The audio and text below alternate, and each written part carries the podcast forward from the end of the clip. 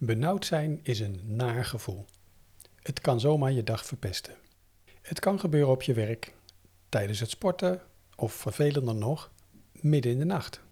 We hebben het dan over bijvoorbeeld hoog in je adem zitten, maar het kan ook erger zijn, eh, tot een astma- of paniekaanval aan toe. Na een uur of drie in de nacht rijden er ambulances naar het ziekenhuis omdat mensen in hun slaap wakker schrokken met heftige benauwdheid. Het is op zijn minst vervelend, maar het kan ook angstaanjagend zijn. Welkom bij deze aflevering van de podcast Ademwijzer.nl. Ik ben Mark Scheffer. Ik bestudeer sinds 2010 ademhaling en stress. En in deze aflevering krijg je meer inzicht in benauwdheid. En ik hoop dat je er een andere kijk op krijgt en daardoor minder bang bent en weet wat je te doen staat.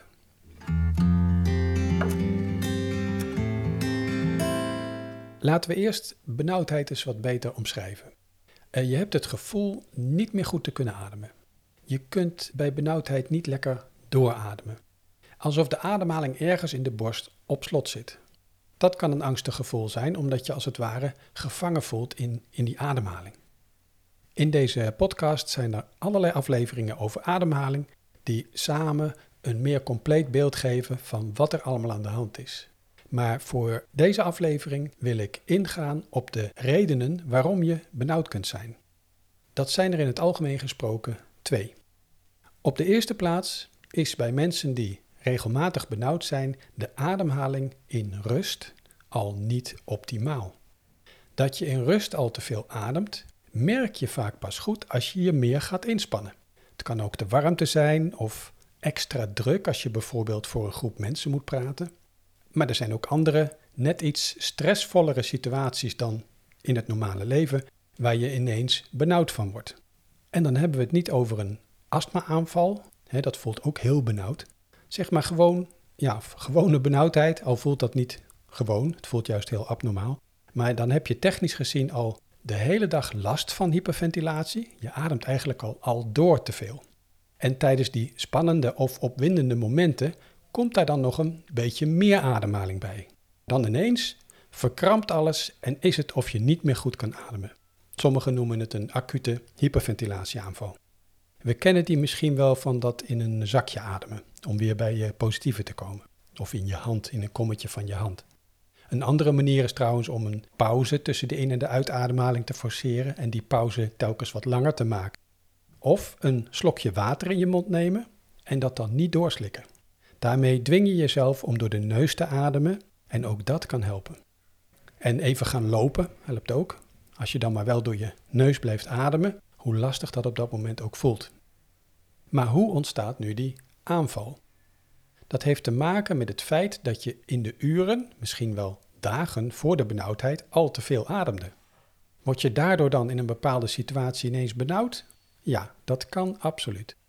Je ademt namelijk doordat je al dagenlang of urenlang al meer ademde, meer koolzuur weg uit je bloed. In deze uh, podcast spreken we vaker over de cruciale rol van koolzuur en het verband met stress. Als je veel stress hebt of druk bent of mentale stress ervaart, ga je ongemerkt meer ademen en verdwijnt er via de uitademhaling te veel koolzuur uit je systeem. Koolzuur, het gouden stofje wat we in deze podcast bejubelen en waar we niet genoeg van in ons bloed kunnen hebben. Waarom? Koolzuur zorgt voor een goede afgifte van zuurstof aan alle cellen van je lichaam. Die verantwoordelijke taak heeft koolzuur en het is beschreven door de beroemde fysioloog Christian Bohr in het naar hem genoemde Bohr-effect. Daar zit je lichaam dan in zo'n moment van urenlange stress met te weinig zuurstof in de cellen om goed te kunnen functioneren. Dat is eigenlijk de eerste reden al dat het niet goed gaat. Ik had het straks over twee redenen. De eerste reden is dat het eigenlijk al niet op orde is. Is het gek dat het lichaam dan gaat verkrampen in een spannendere situatie? Dan komt er nog een tweede reden bij. En uh, ja, die verkramping kan trouwens op allerlei plekken zijn. Er is door dat vele ademen en dus minder zuurstof opnemen, onvoldoende zuurstof in het spierweefsel, bijvoorbeeld rondom je blaas of in je maagwand of in de darmwand of ook in de wanden van je bloedvaten. Verkramping is dan het gevolg, want zuurstof is keihard nodig om die spieren energie te geven. Dat wil zeggen, het is nodig om suikers te verbranden om die energie op te wekken. De ene persoon krijgt daarom bij zenuwachtigheid of gespannenheid last van de maag, de ander krijgt een samengeknepen keel of een gespannen middenrif. En uh, ja, op hele lange termijn leidt die spanning bij andere mensen weer tot een hoge bloeddruk, waar al die bloedvaten in een spanning terechtkomen. En als je aanleg hebt voor astma, kunnen je luchtwegen verkrampen in een zogenaamde astma-aanval. Als mensen die astma hebben de ademwijzertraining volgen, leren ze trouwens die aanval tijdig op te vangen door op een slimme manier meer zuurstof in de wanden van de luchtwegen te krijgen. Daarmee stop je acuut die verkramping. Dat is niet het enige wat je moet doen. Je moet natuurlijk ook je hele ademhaling op orde krijgen, zodat het überhaupt niet meer gaat voorkomen. En dat kan ook toegepast worden door mensen die overdag last hebben van extra spanningen in het lichaam of angst voor een bepaalde situatie. Dat is overigens maar ten dele te verhelpen door over die angst te praten of een andere overtuiging in je hoofd te stoppen.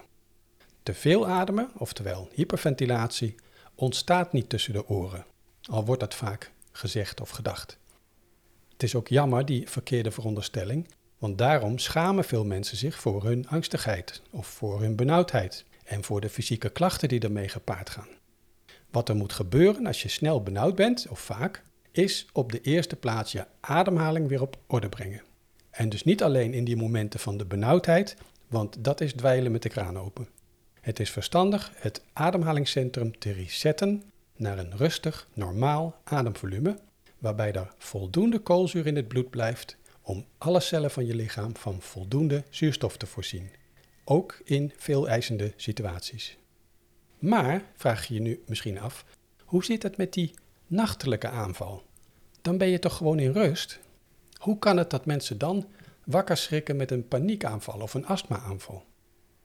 Wat weinig mensen weten is dat s'nachts het ademvolume toeneemt.